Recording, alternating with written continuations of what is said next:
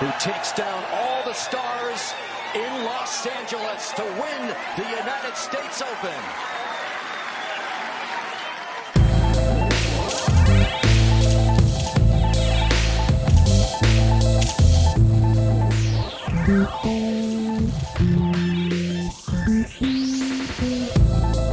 Hallo en welkom bij Golfcultuur aflevering 30 ondertussen. We zijn nu maandagavond, een dag na de US Open. En ik zit hier uiteraard niet alleen hè, met onze vaste co-hosts Frederik en Jean. Ik stel voor dat we er direct in vliegen, want er is heel wat gebeurd um, dit weekend. Jean, welkom. Wat onthoud jij vooral van dit weekend? Hallo en Frederik. Goh, um, de US Open, we gaan daar straks toch wat meer dan genoeg over hebben. Um, mm -hmm. Ik zou toch wel liever iets anders willen aankaarten, dat er weer een Belg is die potten aan het breken is. Uh, Adrien Dumont, de Chassard, heeft uh, verleden week uh, bij zijn pro-debuut zijn eerste wedstrijd eigenlijk al gewonnen. En -hmm. afgelopen weekend um, was hij eigenlijk ook wel weer vier dagen in contention. En heeft hij helaas de playoff verloren, maar toch al bij al heel knap. En ik denk dat het, um, om het met de epische woorden te zeggen, dat mathematisch praktisch zeker is dat hij uh, volgend jaar de PGA Tour zal spelen. Hè.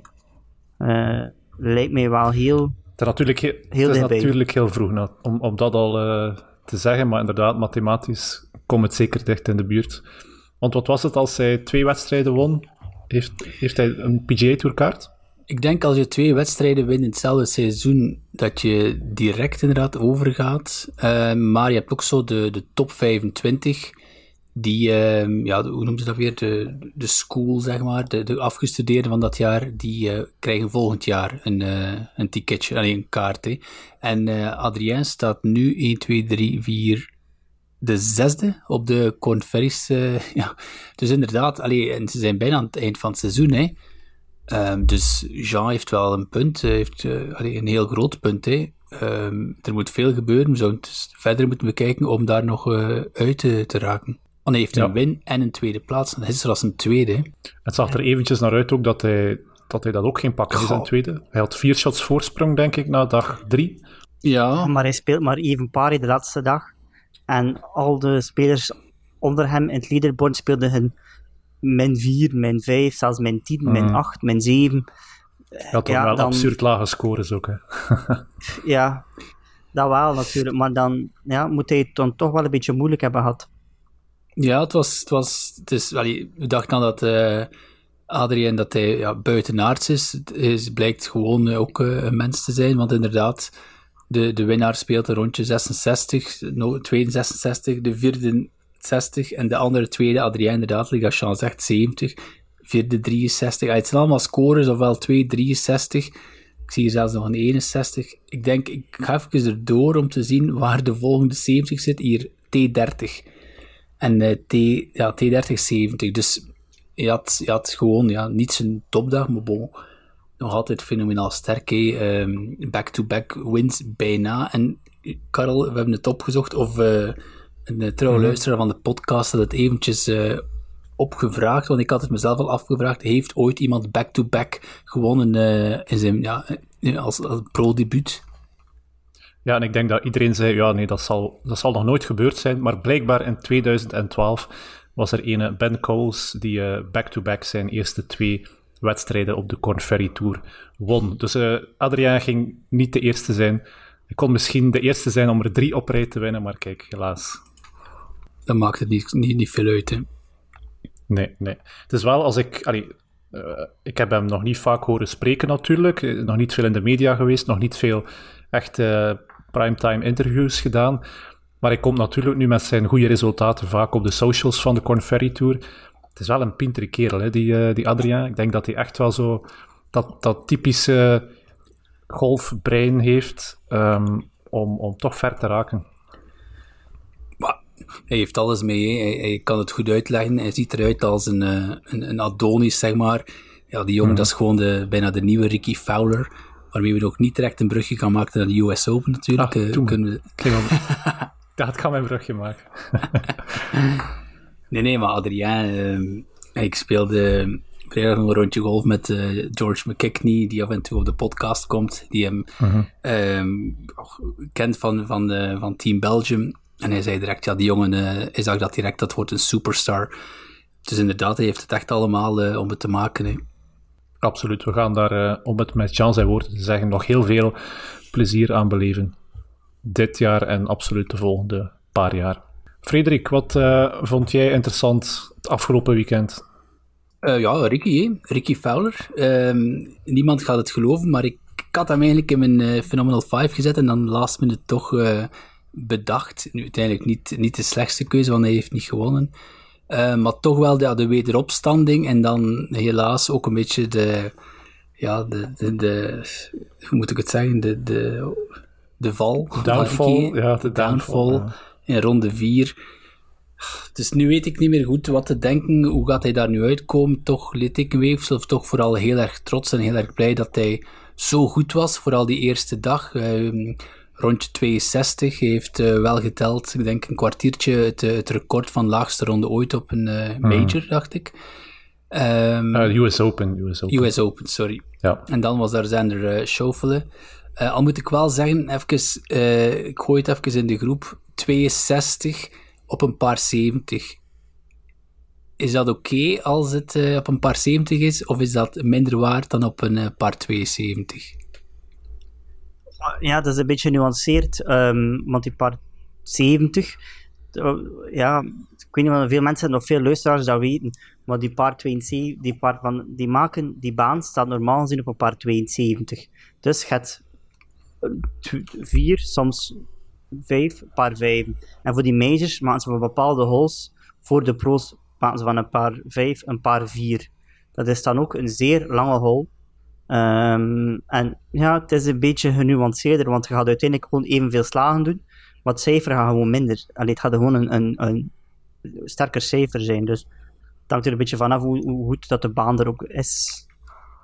En dan heb je ook nog eens die, die, die vele paar drie's, vijf waren er zeker, wat dat ook weer heel moeilijk maakt eigenlijk um, voor pro's om birdies te maken. Dus, dus toch wel een heel, allee, gerechtvaardigd mogen we zeggen, juist? Dat denk ik wel, hè. Alleen is natuurlijk spijtig, ja, Ricky uh, speelt uh, min 8 op uh, dag 1 en eindigt min 5. En dat is gewoon ja, door, door gisteren plus 5. Hè. En ik had niet het gevoel dat hij aan het choken was of zo. Hè. Het was gewoon zo de hele tijd. Ja, het was zo stelselmatig. Het was, niet, het was geen explosion, het waren gewoon bogies. Een paar, een paar bogey. Ja. zijn putter was ook cold, niet, niet die putter van die eerste dag. De eerste dag heeft hij vier strokes gegained op putten. Um, dat, is, dat is waanzinnig veel. Dus um, dat was ongelooflijk. Ja, zijn putting was zeer goed. Hè? Ja. Zijn putting was zeer goed. En we zijn gewoon heel blij, want Ricky komt van uh, super diep. Hè. Die heeft, uh, ik denk, tegen de 300ste gestaan op de world ranking. Hè. Heel goede vrienden, zo van dat klikje. Justin Thomas, uh, Jordan Speed. Die zag al zijn, zijn goede vrienden eigenlijk, waar dat hij nog altijd spring break mee viert ja. Ja, superstars zijn. En hij werd zo'n beetje het kneusje, het kneusje dat bijna zijn PGA Tourkaart kaart kwijt was, maar dan toch mocht blijven omdat er een jongen naar Liv vertrokken was. Um, dus dat is Ricky Fowler. En die staat dan op het punt om de US Open te winnen. En dan denk je van iedereen, iedereen wou dat Ricky won. Ricky mm -hmm. of Rory. Ja, en dan de manier waarop, ja, hij is er totaal niet aan te pas gekomen.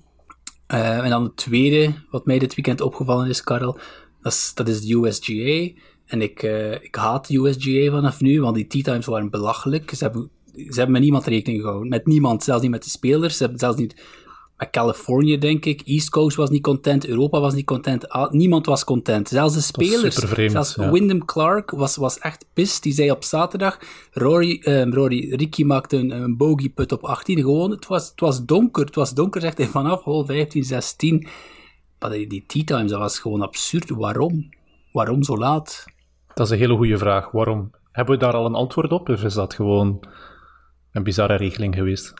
Het enige dat ik aan denk, maar ik zou het eens moeten opzoeken, dat de zon misschien te laat opkomt in Californië. Hm.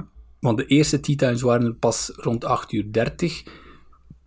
Maar dat zou ik dat moeten het dan, opzoeken. ja, misschien wat moeilijker is om te spelen dan op een koudere ronde, ochtend. maar in ronde 1 en 2, ik heb dat opgezocht, de eerste flights vertrokken om kwart voor 7 lokale tijd daar.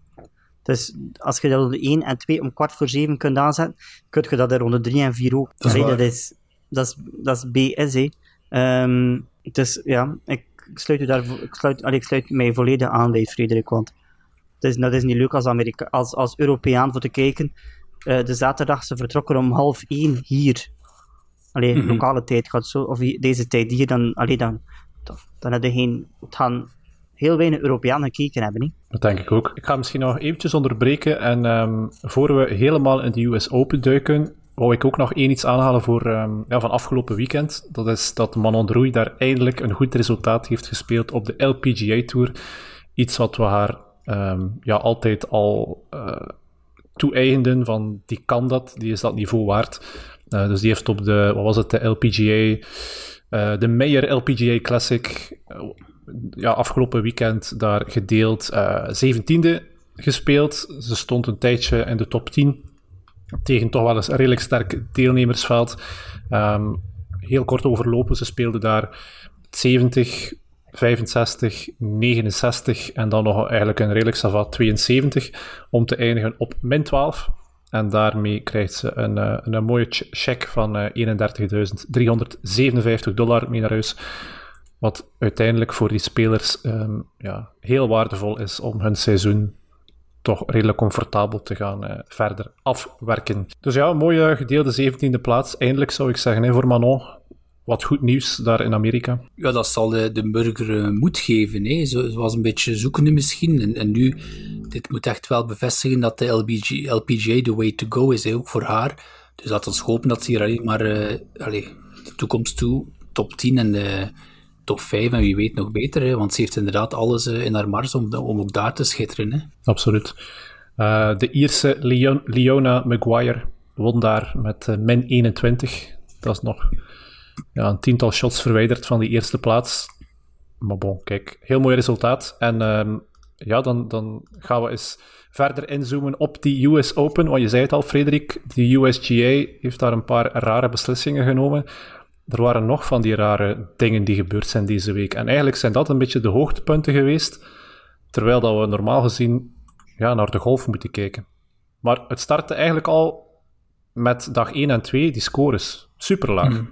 Je zei het al, Ricky Fowler, dan um, uh, was het Schauffele. Schauffele, ja. Ja. Ik denk dat op een bepaald uh, moment... Drie holes, in, drie hole in ones ook? Drie holes in one, ja. Die twee op de eerste dag en dan uh, nog eentje op de tweede dag met Fitzpatrick. Ik denk dat er uh, op dag één, ik weet niet, 40 of 50 man, uh, even paar of onderpaar stond. Te veel, hè, voor een US Open? Well, ja, dat, dat is een beetje de vraag nu. Hè. Is, is, maken wij dat ervan of maken alle ja, critics dat ervan? Of is dat gedaan die tijd dat de US Open moet eindigen op even par?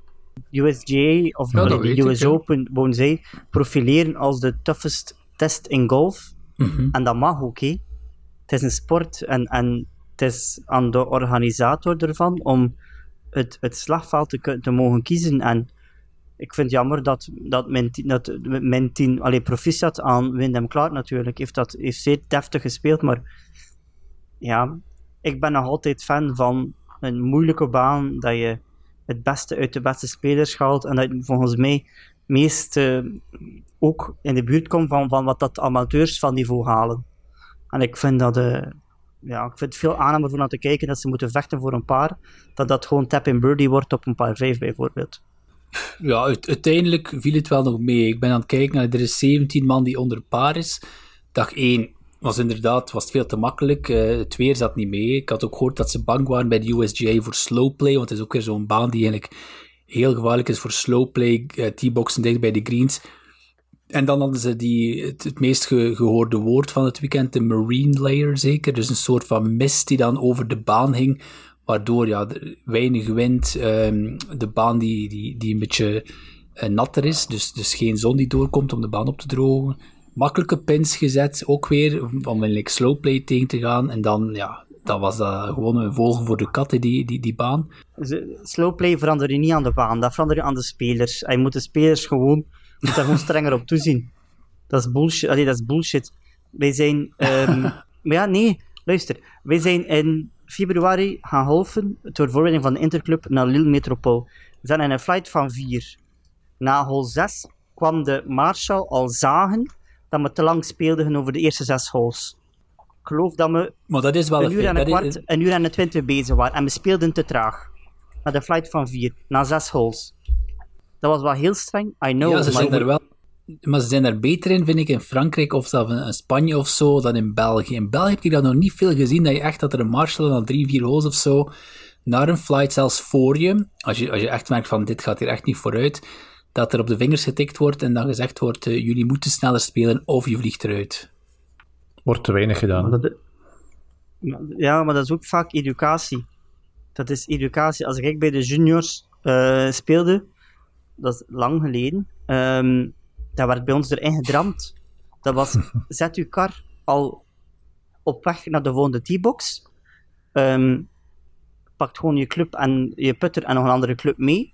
Of eh, als je dan met de hole ga naar de volgende tee, telt daar dan je score. Of bespreek dan de score. Ehm, dat is Ja. allemaal, dat zitten kleine details. hoe, hoe dat er volgens mij heel veel tijd kan gewonnen worden. En dat viel mij op toen dat we op de Soudal waren, en ik lette daar nog eens op. En dat is hoe snel dat die pro's stappen. Dat zijn natuurlijk echt, dat zijn allemaal atleten. Dus amateurs die slenteren over de baan. En dan zie je die, die, die, die pro's, die, die marcheren echt. Die, als, als fan die moet je langs de zijlijn echt wel heel snel stappen om mee te zijn met hen. En dan zie je ze komen bij die bal, ze pakken echt wel een tijd.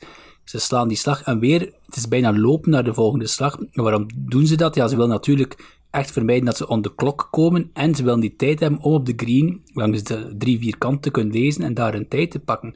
En dat is wat ik ook probeer te doen, nu gewoon sneller te stappen, want ik ben iemand die op de green zijn tijd nodig heeft en zijn tijd pakt. Maar natuurlijk, als je dan in een flight zit met, met mensen die heel traag stappen en je hebt dan nog eens tijd nodig op de green, ja, dan, dan ver, eh, vertraagt het spel. Maar ik geloof dat gewoon door te snel te stappen, dat je veel sneller ronde kunt spelen. Is, We kunnen denk ik een volledige podcast vullen met dit onderwerp. Dat is waar ik ging gewoon nog één, ding, één dingetje aanhalen en we kunnen dat misschien afsluiten. Maar bijvoorbeeld op de USPGA mogen de spelers nu al, al de pro's nu al rangefinders gebruiken. Waarom dan niet gewoon doortrekken naar, naar, naar de gewone toernooien? Alleen mensen moeten dat beginnen afstappen. En wij mogen overal ter wereld spelen, in competities bij van spreken. En we mogen rangefinders gebruiken en GPS en weet ik nog wat Je ze- allemaal. Maar je, je zei de USGA, bedoel je nu op de US Open waar een range Ja? USPGA, de USPGA, de PGA PGA, ja, ja. Championship. Ja, ja, ja, want pardon. ik zag Ja. Hofland daar ook met Eh, en ik, ik, ik volg je daarin. Ik snap ook niet. Ondertussen, die, die, ja, die baan, dat staat ook zo goed aangeduid. Die, eh, die caddies hebben al hun huiswerk gedaan. Dus ik, ik ben ook pro rangefinders. Maar bon, we waren eigenlijk bezig over, eh, over putten. En over ja, je tijd pakken om te putten. Ik ga niet beginnen over Patrick Cantley. Maar ik ga het hebben over Rory McIlroy. Die gisteren alweer verloren heeft. Als je het mij vraagt, door de putter. Akkoord? Ja, En het was niet slecht. En, het is, en eh, blijkbaar zei hij na, niemand heeft dat gehoord natuurlijk, want hij zei tegen zijn, eh, zijn coach. Na, dus net voordat hij de, zijn scorecard ging indienen, zei hij tegen zijn coach: it's the, it's the open all over again. Fuck. En waarom? Ook daar was het zo, die laatste ronde, een, een zeer degelijke ronde gespeeld, maar zo die puts die niet vielen, zijn approach shots te ver van de hole. En gisteren was dat ook weer een beetje zo. En als je dan kijkt naar de stats, Rory heeft gisteren 0,48 eh, strokes gained op putting. Op zich zeg je van, dat is niet slecht. Ja, nee, dat is niet slecht. Maar ja, Wyndham Clark, die heeft gisteren 1,87 strokes gained op eh putten. Hè. En ja, om- als je tweede wordt met eigenlijk zo'n matige of, of licht, beter dan gemiddelde puttingstat, is het al eh, heel, erg, eh, heel erg straf eigenlijk. Ja, Rory wacht al negen jaar op zijn volgende major. Dat is een, een eeuwigheid. Ja, ik heb, er, ik heb vanmorgen eh, ook kennis dat op Instagram was. Zijn laatste vijf resultaten van de US Open gezien. Dat was vijf keer in de top 7. Dat is een waanzinnig, waanzinnig. En dan zijn er mensen die wa- durven zeggen dat Rory niet meer meetelt. Van waar is komt dus- dat? Dat is toch ongelooflijk. Ja, het, het is, het is ja, een van de beste golfers. En deze is al 10 jaar, een van de be- 15 jaar al een van de beste golfers. En eh hij Ja. zei het zelf, er is niemand die het mij meer hunt dan mijzelf. Of zo heeft hij iets gezegd. In zijn dienetrand ook.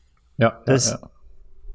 Heel de wereld vraagt bijna, of snakt bijna naar een nieuwe, een nieuwe, een nieuwe major voor Rory. Ah, maar dat is gewoon ook, dat zijn die gasten die gewoon zoveel beter zijn dan de rest. Allee, als je kijkt naar het leaderboard, Rory, die, die goed was, maar niemand had zoiets van, wauw, Rory is, is, is fenomenaal. Hij wordt tweede. Scotty, iedereen, ik heb zelfs gehoord, Scotty was slecht. Scotty was slecht dit weekend. Hij is derde.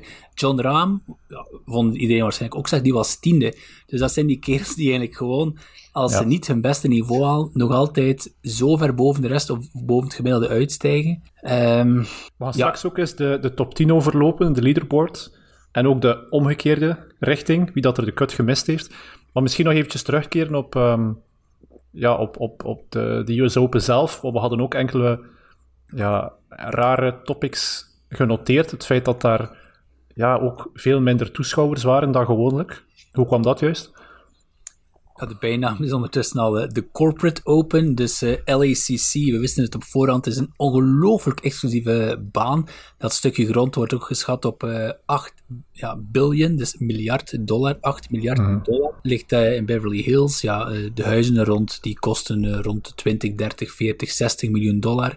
dus bon, um, je wordt daar niet zomaar lid. Instapgeld is ook 250.000 dollar, alsjeblieft. Um, celebrities worden niet toegelaten. Dus de crème de la crème van uh, American Corporate uh, is daar lid, zeg maar. Um, dus ja, het merendeel van de tickets waren eigenlijk C-suite, dus de CEO's en CFO's van Amerika waren allemaal uitgenodigd. Dan waren er nog een 9000 tickets voor de gewone mensen. Nu, LACC heeft zoveel mogelijk van die tickets blijkbaar uh, proberen op te kopen, om die dan eigenlijk alweer uit te delen aan de vrienden en familie. Er waren dan ook nog eens grandstands die exclusief waren voor uh, members van LACC. Um, dus ja, ik geloof dat er in totaal een 4000-tal uh, gewone Amerikaanse golffans aanwezig waren. En daar komt ook wel veel kritiek op. Ja, dat is te weinig, hè. Toch voor zo'n spektakel als US Open. Ja, vooral de spelers zijn dat er gewoon geen sfeer was. Hè. Er werd er ook amper geapplaudisseerd. Um... Mm -hmm. Ja, wat ik mij ook... Allee, ik heb niet veel live gezien, maar ik heb wel heel veel die extended um, highlights gezien. En wat ik me aan, een beetje aan stoorde, het was precies, ik zat precies op de Waste Management Phoenix Open. Zoveel geschreeuw en ja, het is precies uh, dat ze, ja, dat de Super Bowl was soms. Uh, ik stoorde mij daar wel aan. Ja, dat is mij nu niet echt opgevallen. Ik zou daar eens moeten... Uh, Jean, je dat de verkeerde link geklikt. nee, nee. Fowler op de waste management. Nee, het was... Uh, ik, ja, ik, vond, ik had heel veel mashed potatoes en... Ja? Ja, ik vond, okay, ja, okay. ik vond dat niet... Karel gaat dat nu in de, in de uitzending monteren. Ja, ja. Frederik zal het nu roepen door de micro. nee, we gaan er eens op letten, maar ja, dan is het een groot contrast met de volgende major bij de mannen die eraan komt, hè. Die Open. Dan zal je dat uh, niet horen. Gaan we eens kijken naar de top 10? Ja. Dus ja, we hebben het eigenlijk nog niet echt expliciet vermeld, maar de Amerikaan Wyndham Clark wint zijn eerste major, de US Open. Um, ja, enorm leuk al ten eerste dat er iemand wint die niet bij de ja, groten der aarde zit. Uh, dus uh, chapeau voor Wyndham. Dan hebben we op uh, de tweede plaats met min 9, uh, Wyndham Clark eerste met min 10. Dan Rory op één slag afstand, um, Rory McIlroy. Derde Scotty Scheffler met min 7. Dan Cameron Smith, ook leuk om te zien dat hij daar terug in de top 10 staat op een heel groot toernooi, min 6. Tommy Fleetwood met ja, een enorm goede ronde op zondag, min 7 daar. Um, op zondag, hè, wel te verstaan. Want die, zijn eindscore was min 5. Jean? Tommy Fleetwood is ook de enige, ik heb het ook zien passeren, denk ik, de enige die um, in de geschiedenis van de Open al twee keer een rondje 63 heeft gespeeld op de laatste dag. Oh. Hij had dat gedaan in Shinnecock Hills, was het? Dacht ik. Toen dat Brooks Cup ook won. Ja, heeft uh, Tommy Fleetwood een rondje 63 gespeeld en nu weer. Dus dat is goed voor hem, goed voor zijn Ryder Cup kansen natuurlijk ook. Ja, ja oh. maar je weet dat ik daarover denk, natuurlijk. Uh, kritiekaster als ik ben. Zo een rondje 63 spelen, als het er allemaal niet meer toe doet, dat telt niet. Hij had vorige week moeten winnen, trouwens, uh, Fleetwood, ja. Ja, ja absoluut. Ja. Allee, Zeker weten. Het was in Canada en hij wou dat er een Canadees won, dus dat is dan ook weer hoe sympathiek dat Tommy Fleetwood is, natuurlijk. Voilà, voilà, zo kennen we hem. Ja, nee, die, die krijgt ook een paar klappen rond de oren, denk ik. Aan de ene kant ben je blij dat je goed speelt, en aan de andere kant zoek je gewoon naar... Wat is het, je eerste overwinning zeker in Amerika? Ja, hé, we hebben het al gezegd, hé, Tommy is een van die, uh, van die ocharme uh, Dutsen die al meer dan 10 miljoen dollar verdiend hebben op de PGA Tour zonder win. Tommy, Tommy. Ja, op, ook op een gedeelde vijfde plaats, en dat is ook leuk om te zien, is Min Woo Lee. Ook leuk om uh, hem daar op min 5 te zien staan. Heeft hij geen drive uh, gedaan van 400 yards? Jean, heb je dat gezien? Klein ventje nogthans, hè. Toptalent, hè. Ja. En dan hebben we onze Ricky Fowler, ook op een gedeelde vijfde plaats, min 5. Dus speelde plus 5 op zondag. Komt van uh, de winning score, min 10, en valt terug naar min 5. Inderdaad, zonde. En dan uh, de, de upcoming star Tom Kim. Um, op min 4, Harry English. Ook wel leuk om hem daar te zien op een uh, gedeelde achtste plaats, min 4. Ik wil nog iets zeggen over Tom Kim. Tom Kim mm -hmm. heeft een front 9 van 29 gespeeld in ronde 3 de frontline was ervoor gekend om ja, de makkelijkste te zijn, want inderdaad, mm hij speelde dus 1, 2, 3, 4, 5, 6 birdies en 3 paars. Hallo. En dan om de top 10 af te ronden, er zijn een paar met uh, gedeelde tiende plaats. Um, de Amerikaan Austin Eckroyd op min 3. Dan onze Spanjaard John Rahm, die daar, uh, denk zaterdag nog ergens een, uh, een bord bijna in twee brak met zijn putter. Um, ja, was niet echt opgezet met zijn rondje. En dan hadden we... En dan Xander Schauffele, die daar ook niet echt eh, de beste, het beste vervolg kende na zijn um, openingsronde. Xander Schauffele. En dan om af te sluiten, ja, ook wel leuk om te zien, Dustin Johnson.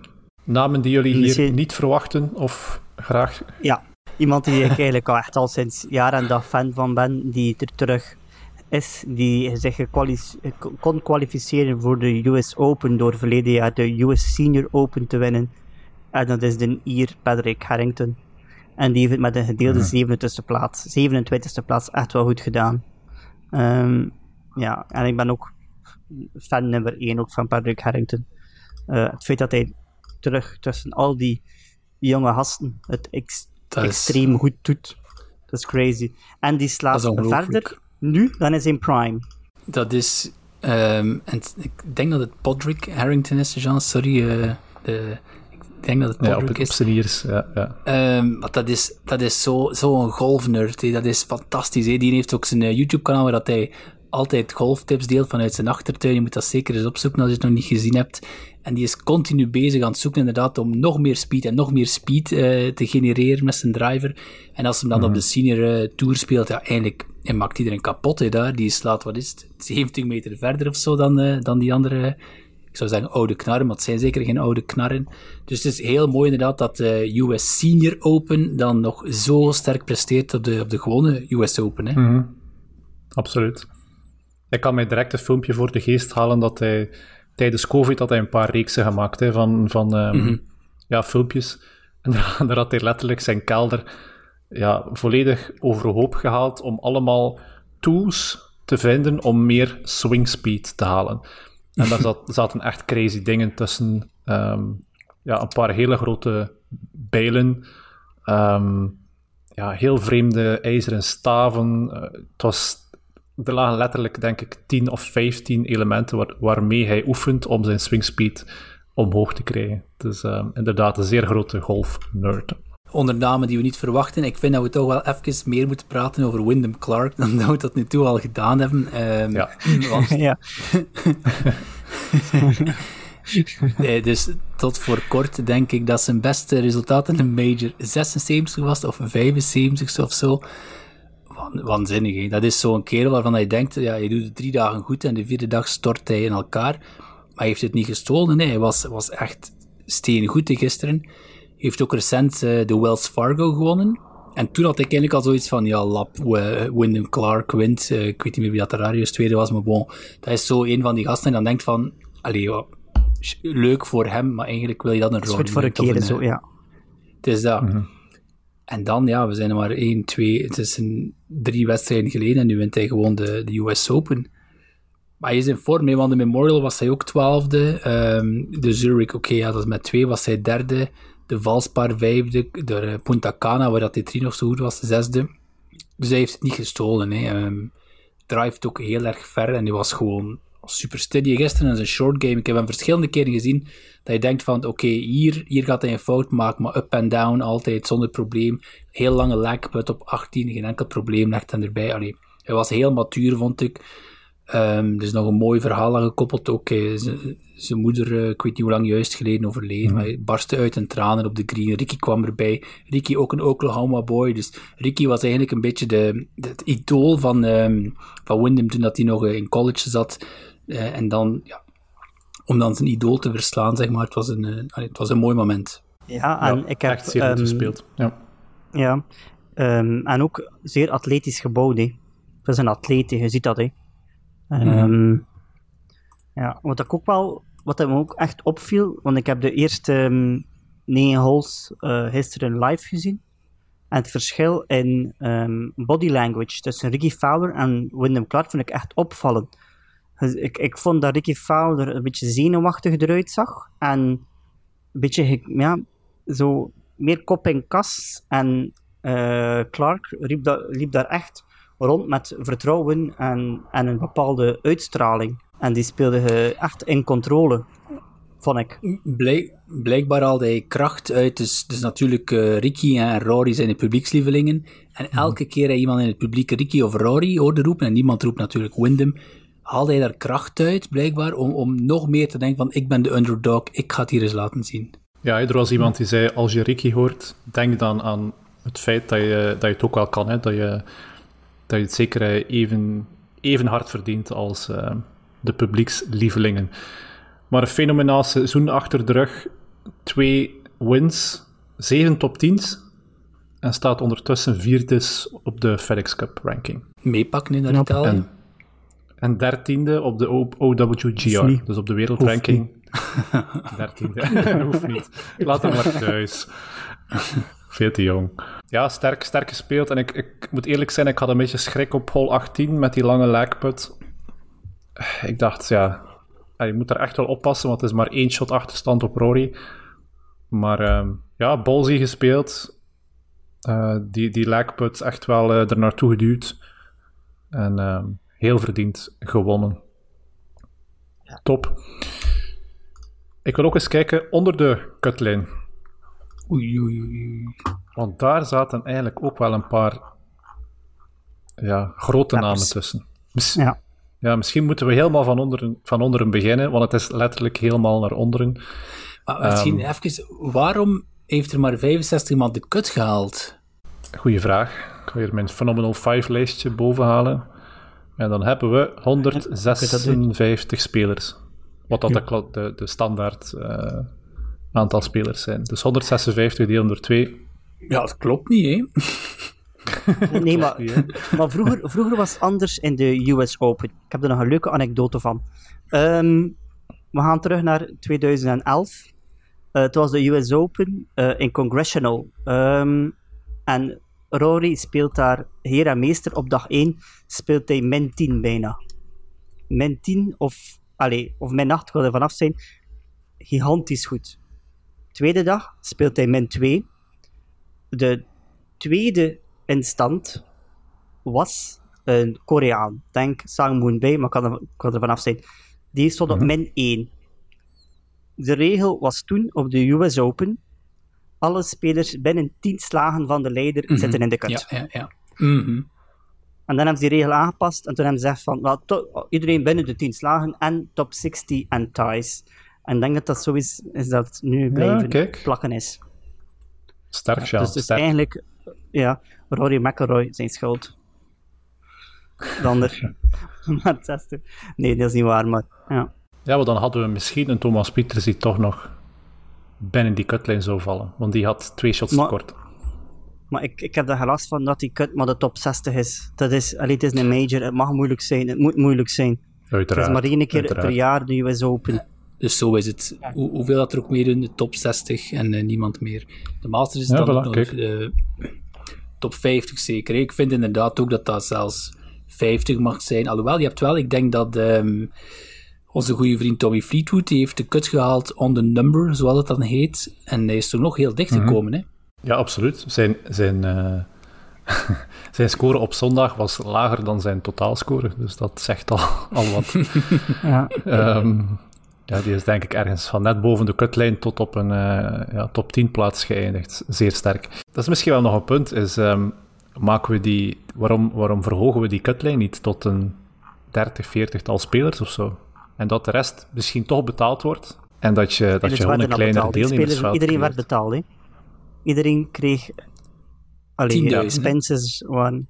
10.000 dollar. 10.000, ja. Ja, maar dat, dat weken we misschien dat, af. Dat weken we misschien af. Ja, misschien dat wel nog, want het gaat over een van Jean's favoriete spelers. Het was toch, uh, noemt hem weer, de, de Brit. Wie, wie zijn je favoriete spelers, Jean?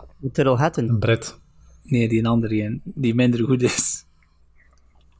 Ah, Eddie Pepperell. Eddie Pepperell had dus getweet. Iets minder goed, ja. Hij vond dat supergoed dat de spelers nu ook die dik uh, niet halen. Dus uh, eh, 10.000 kreeg wat hij zei. Toen dat hij naar de Masters uh, geweest was, hij had de kut gemist. Dat had hem in totaal meer dan 30.000 dollar gekost. Ik weet niet meer wie dat erop reageerde, maar uh, iemand zei, aan bij de, dat weekend toevallig in een stripclub beland of zo. Altijd lachen met Pepperell. We gaan eens kijken onder de kutlijn. Helemaal naar onder, want het is letterlijk helemaal onderaan. Justin Thomas, die speelt, wat was het? Plus 11 op ronde 2. Plus 3, plus 11, totaal scoren plus 14. Op eigenlijk, we zeiden het daarnet, twee makkelijke dagen.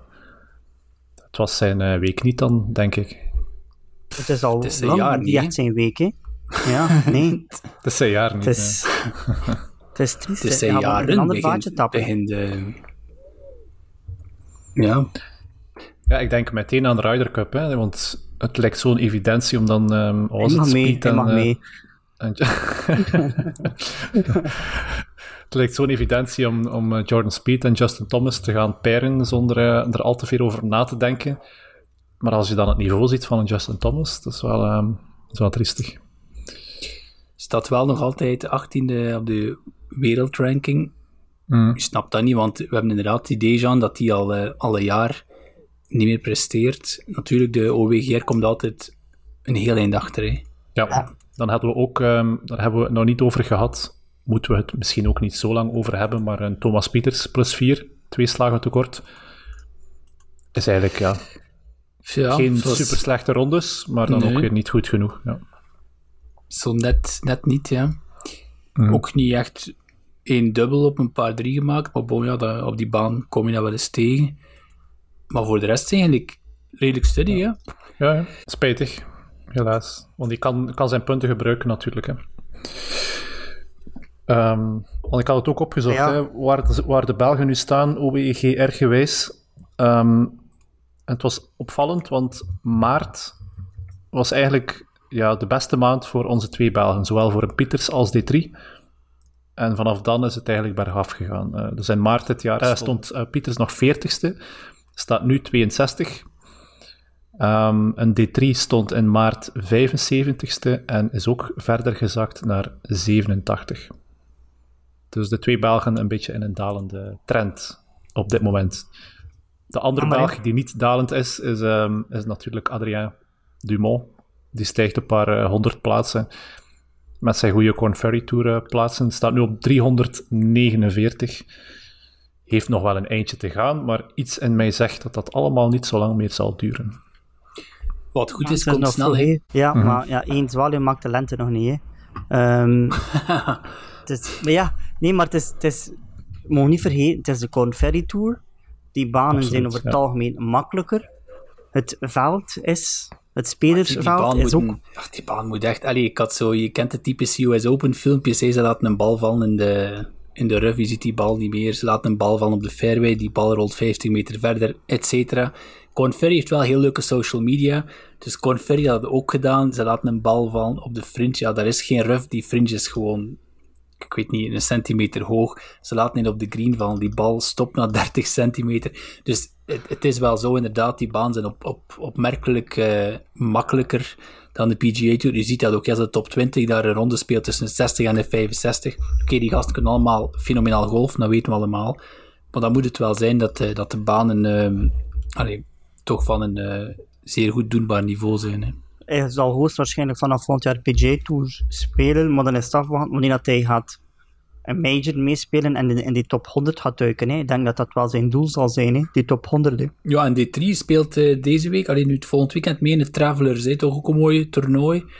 Uh, heeft twee weken nu eigenlijk niet gespeeld. Dus laat ons hopen dat hij helemaal uh, heeft kunnen herbronnen. En um, nu klaar is om zijn, vooral zijn FedEx Cup ranking. Is eigenlijk voor hem nog belangrijker dan die OWGR. Staat dan nog altijd heel keurig uh, 44ste. Um, dat zou chic zijn. En als hij daar ja. zeker dat kan behouden, top 50 en dan liefst nog top 30. Hè. Top 50 is het toolcard behouden en top 30 is designated events of van het mis? Um, ik dacht, uh, en schiet me niet dood. Ik denk 125 top houdt zijn kaart. Uh, oh, top 75 um, gaan naar de playoffs. Dan is er een volgende cut na de eerste playoff van top 50. En dan de top 30 speelt, speelt Tour Championship. Oké, okay, ja, die kaart mag geen probleem meer zijn. Ik heb dat niet opgezocht, maar schiet mij dood. Ik ga er niet ver naast zitten. Ja, ja, ja. Hierin, tijd voor de Phenomenal 5. De hamvraag, Karel. Wie had of heeft Wyndham Clark in zijn selectie? Geen kat. niemand. Maar wat dat natuurlijk wel te begrijpen is. Nee, nee, nee, niemand. Niemand. Nee, de hamvraag is, wie van ons drie heeft het beste team? Ik niet. ik denk Karel, anders zat hij er niet over beginnen. Ja, voilà. Nee, ik, heb eindelijk, ik heb eindelijk eens punten gesprokkeld, dus ik ben zeer, uh, zeer fier op mijn uh, keuze. Ik denk dat Scotty Scheffler voor heel wat mensen een puntenpakker was uh, afgelopen weekend. Maar we gaan, we gaan, gewoon nog eventjes die top 3, denk ik, overlopen binnen de Phenomenal 5. En top 3, laten we dan de, de vijf, vijf namen uh, highlighten, want er zijn twee gedeelde plaatsen. Gedeelde tweede plaats, gedeelde um, derde plaats. Ik heb nu niet de scheftingsvraag meegerekend. Um, maar gedeeld derde is Hendrik Verbruggen en Stijn Ducro met 43 punten. Gedeelde tweede plaats is Aaron Willems en Gustav met 48 punten. En de winnaar van deze Phenomenal 5 is Robert Baten met 55 punten. En misschien ook niet oninteressant, wie zat in zijn team? Xander Schauffele, 5 punten. Scotty Scheffler, 15 punten. Tommy Fleetwood, 10 punten. Rory McIlroy, 15 punten. En Ricky Fowler, 10 punten. En hij had Schauffele als winnaar um, aangeduid. Maar ja, heel sterk team gekozen. Hè. Allemaal redelijk wat punten gesprokkeld. Dus uh, proficiat, Robert. Ja, Tommy Fleetwood heeft hem gedaan voor uh, Robert of Robert Baten. Ja, ja, absoluut. 10 punten erbij, klets. En uh, naar voren gesprongen. Cool. Um, ja, Robert wint uh, een mooie doos Callaway Chromesoft X-ballen dankzij Golf Vlaanderen. Um, ja, en jullie weten al dat er heel wat fantastische prijzen te winnen zijn. Ik ga nog na deze podcast de algemene ranking opmaken, als ook de twee um, andere rankings. Dus eentje voor de vrouwen, eentje voor de mannen. En uh, dankzij Golf Vlaanderen mogen we hele leuke prijzen weggeven. Wie de eindranking wint bij de vrouwen krijgt een gesigneerde polo van Manon Droei. Wie, een, wie de eindranking wint bij de mannen krijgt een gesigneerde polo van uh, Thomas de Trie, Thomas Pieters en Nicola Koolsaerts. En wie de um, ja, algemene ranking, dus de volledige ranking, wint, die mag met ons op schok en gaan we een dagje golf spelen op een baan in Vlaanderen. Ja, Frederik, dankjewel voor weer een, een hele leuke golfpodcast. En ik zou zeggen, tot de volgende keer. Ciao, ciao. Bye.